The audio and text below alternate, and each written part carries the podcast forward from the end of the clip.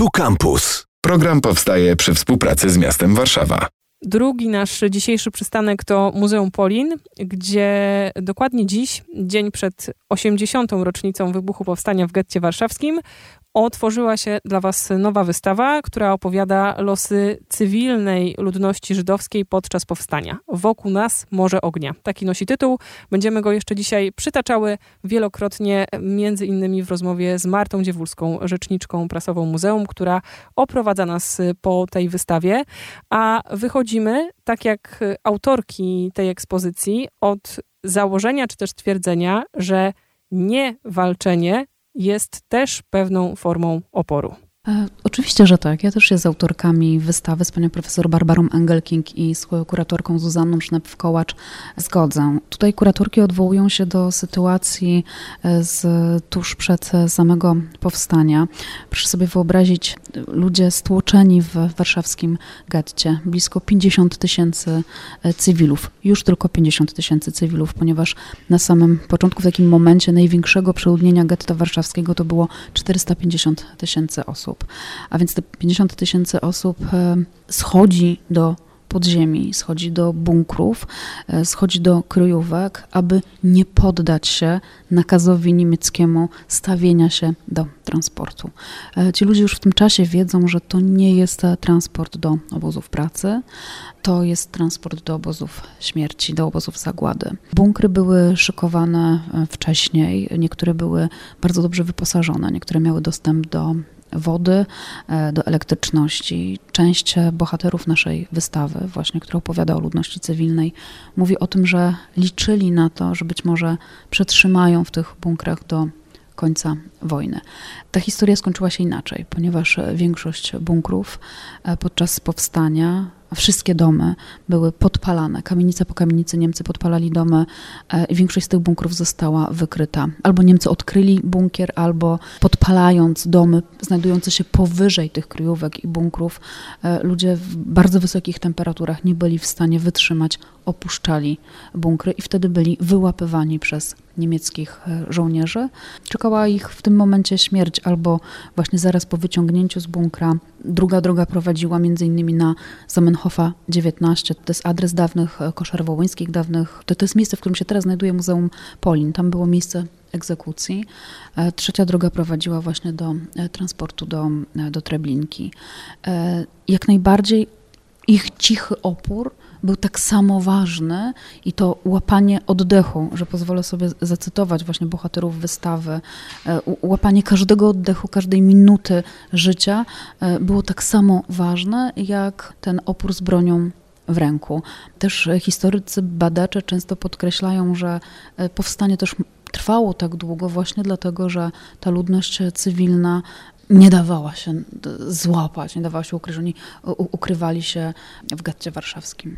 To do bohaterów jeszcze za moment przejdziemy, ale chciałam zapytać, jak te warunki codzienności podczas powstania w getcie warszawskim udało się odtworzyć, w tamtych czasach zdokumentować, a dzisiaj przenieść na realia wystawy? To było bardzo trudne zadanie. Ja bym powiedziała, że tutaj głównym takim artefaktem opowiadającym o tych przeżyciach i tych wydarzeniach są słowa. Słowa pod bardzo różnymi postaciami, to znaczy to są słowa e, naszych bohaterów i bohaterek, które prowadzą widza e, przez wystawę w audiosferze, którą przygotował dla nas e, Paweł Mykietyn. Mm, to jest, mówię audiosfera, bo to jest taki piękny pejzaż dźwiękowy, składający się z dźwięków muzycznych, tutaj inspiracji twórczością młodziutkiej, 11-letniej pianistki, która również przebywała w getcie warszawskim, Josimy Felczuch. Ona opuściła, udało jej się opuścić getto, niestety zmarła w trzecim dniu powstania już po stronie arejskiej. Ta audiosfera to właśnie jest też słuchowisko z głosami bohaterów, którzy opowiadają o tym, co czują, co widzą, w jakich warunkach się znajdują.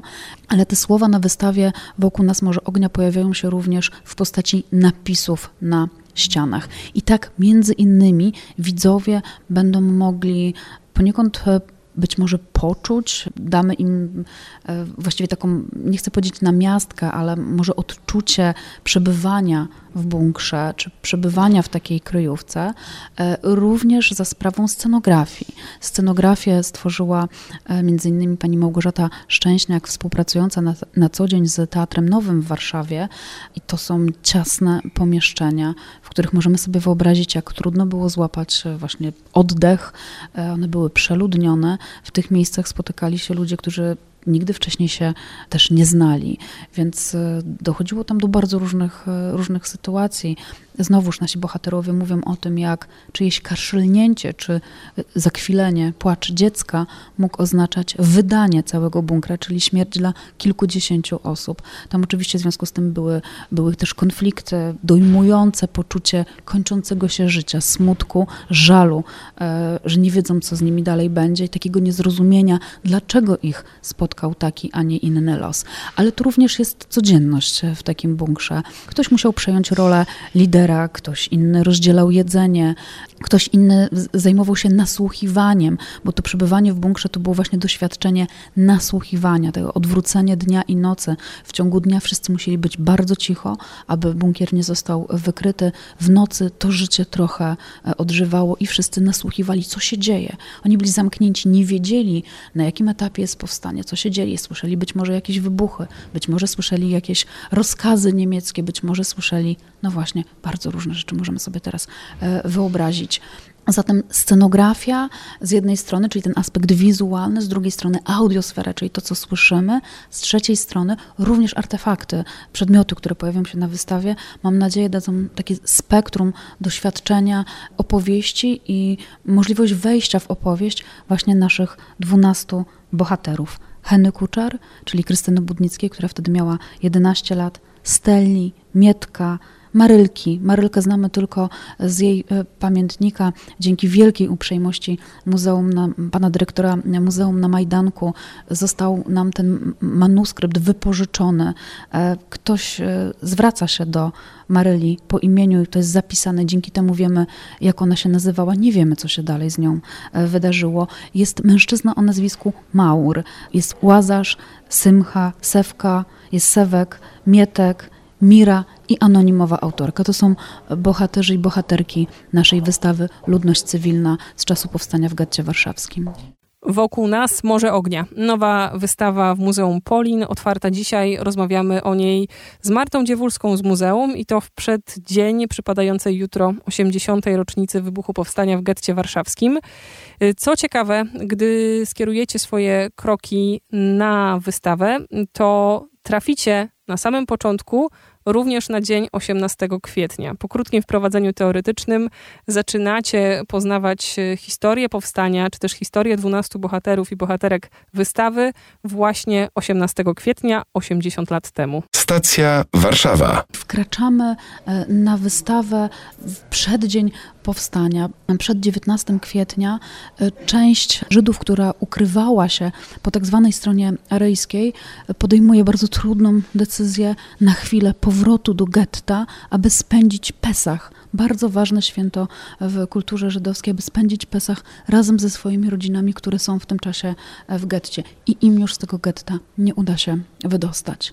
19 kwietnia wybucha powstanie w getcie warszawskim. Mówiąc o tej wystawie, często odwołujemy się do takich słów jak historie, tekst, słowa bohaterów, które prowadzą odwiedzających przez wystawę, ale myślę, że warto zwrócić uwagę na zdjęcia, które tutaj zobaczymy. Część z nich nie była jeszcze nigdy prezentowana i opowiada, czy też pokazuje powstanie w getcie warszawskim z nieco innej perspektywy. Tak, na wystawie mamy niezwykłe dwa zbiory fotografii. Mówię niezwykłe, ponieważ one trafiły do Muzeum Polin w końcu 2022 roku i w początku 2023 roku. Pierwszy z zespołów fotografii są to zdjęcia e, wykonane przez Zbigniewa Leszka Grzywaczewskiego, polskiego strażaka. Polscy strażacy byli wzywani przez Niemców do gaszenia pożarów w getcie, tak aby ten ogień nie rozprzestrzeniał się na właśnie na, na te kamienice, które bezpośrednio sąsiadowały z murem getta żeby ten ogień się nie rozprzestrzeniał, a także do gaszenia warsztatów, shopów, które znajdowały się na terenie, na terenie getta. I ten strażak z narażeniem życia fotografuje tragiczne wydarzenia. My wiemy, że on ma świadomość doniosłości tego momentu i tragiczności, równolegle prowadzi dziennik. Zuzanna Sznep-Kołacz, kuratorka wystawy, studiując ten dziennik, e, przygotowując wystawę, skontaktowała się z panem Maciejem Grzywaczewskim, synem e, tego strażaka i zadawała mu ciągle pytania, musi być coś jeszcze, co jeszcze może coś jeszcze znajdziemy w domowych, rodzinnych pana archiwach. I rzeczywiście to jest jak w amerykańskim filmie, w ostatnim pudełku, roku pan, pan Maciej Grzywaczewski, sądząc, że rozwija film, który przedstawia sceny takie codzienne jego, jego rodziny, okazuje się, że na kilku klatkach e, na filmie dalej są, są płonące kamienice warszawskiego getta. 12 odbitek z tej kliszy była znana wcześniej badaczom zagłady. Znajdowały się m.in. w Muzeum Holokaustu w Waszyngtonie, ale tu mamy kilkadziesiąt klatek, kilkadziesiąt ujęć ukazujących m.in. sekwencję wydarzeń. My wiemy, co się po czym wydarzyło. Te zdjęcia, które teraz wykonaliśmy na podstawie tego filmu fotograficznego, pozwalają badaczom dostrzec również detale, no i przede wszystkim e, obecność filmu fotograficznego, tej kliszy, jest dla nas dowodem na to, że ten strażak, polski, pol, polski strażak, który wchodził do getta kilkakrotnie podczas powstania, jest autorem tych zdjęć, to potwierdza ich e, oryginalność. E, I mogę tylko dodać tyle, że to jest jedyny w tym momencie nam, historykom, badaczom zagłady, znany, znana klisza fotograficzna, ponieważ nawet zdjęcia, które są powszechnie nam znane, takie obrazy z powstania w getty, czyli raport Sztropa, materiał stricte propagandowy przygotowany przez Sztropa dla Himmlera. To są zdjęcia, których my też mieliśmy tylko odbitki, wydruki, a tutaj mamy klisze z tymi zdjęciami. To jest absolutnie niezwykłe, a klisza bardzo szybko płonie, tak? dużo szybciej niż, niż papier. Więc to jest niezwykłe, że, że ten materiał, ten artefakt się zachował i trafił do Muzeum Polin e, i że możemy go pokazywać na wystawie wokół nas Morze Ognia. Drugi zespół fotografii to również niezwykłe, przejmujące e, fotografie Rudolfa Dameca. Tutaj z pomocą przyszła pani Aleksandra e, Sobiecka, wnuczka pana Dameca. To był z kolei polski inżynier, którego życie rzuciło do Warszawy w tym czasie. Mieszkał niedaleko muru getta.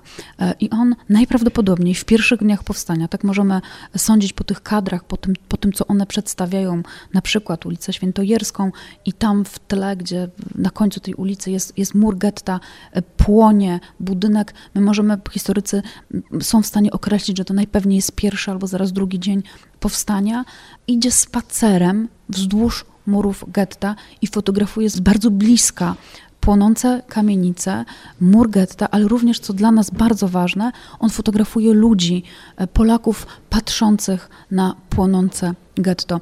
Czuć, oglądając te zdjęcia, my czujemy, ja czuję niezwykłą wrażliwość tego człowieka, jakąś taką empatię. On również wie, że dokumentuje bardzo ważny, bardzo ważny moment e, historycznie, pokazuje twarze tych ludzi, e, sylwetki. Niektórzy odwracają wzrok, być może nie chcą patrzeć na te wydarzenia, inni stoją jak wryci, bym powiedziała, tak, takich sylwetki e, wyglądają. My nie wiemy, co oni myślą.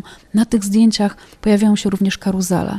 Nie dokładnie ta karuzela, o której pisał Czesław Miłosz w wierszu Campio di Fiori, ale dwie inne karuzele, e, które były po aryjskiej stronie tuż przy samym murze getta. I to nam uświadamia, że te życia jednak mimo wszystko wyglądały zupełnie inaczej po dwóch stronach muru. Po jednej stronie ten symbol i ten problem naszej pamięci, e, z którym próbował się uporać i Czesław Miłosz, i, i eseista Błoński, który na łamach Tygodnika Powszechnego w 1987 roku o tym, e, o tym pisał w takim słynnym tekście Biedni Polacy patrzą na getto. Widzimy te karuzele i symbol symbol zabawy, tak jak Miłosz pisał w wierszu o rozwiewających e, sukienkach i pyle unoszącym się w powietrzu, podczas gdy po drugiej stronie muru płonie getto, płoną ludzie, płonie powstanie. Wokół nas Morze Ognia. Nowa, otwarta dzisiaj wystawa w Muzeum Historii Żydów Polskich Polin, jako jedna z części trwających blisko rok obchodów 80. rocznicy wybuchu powstania w getcie warszawskim. Ta rocznica przypada dokładnie jutro, 19 kwietnia. Poza wystawą również szereg wydarzeń towarzyszących. Jutro oficjalne uroczystości i świetnie, mam nadzieję, Wam znana akcja Żonkile. To jutro, 19 kwietnia, możecie spotkać wolontariuszy w różnych miejscach Warszawy i przypiąć na znak pamięci papierowego żonkila. Program powstaje przy współpracy z miastem Warszawa. Radio Campus.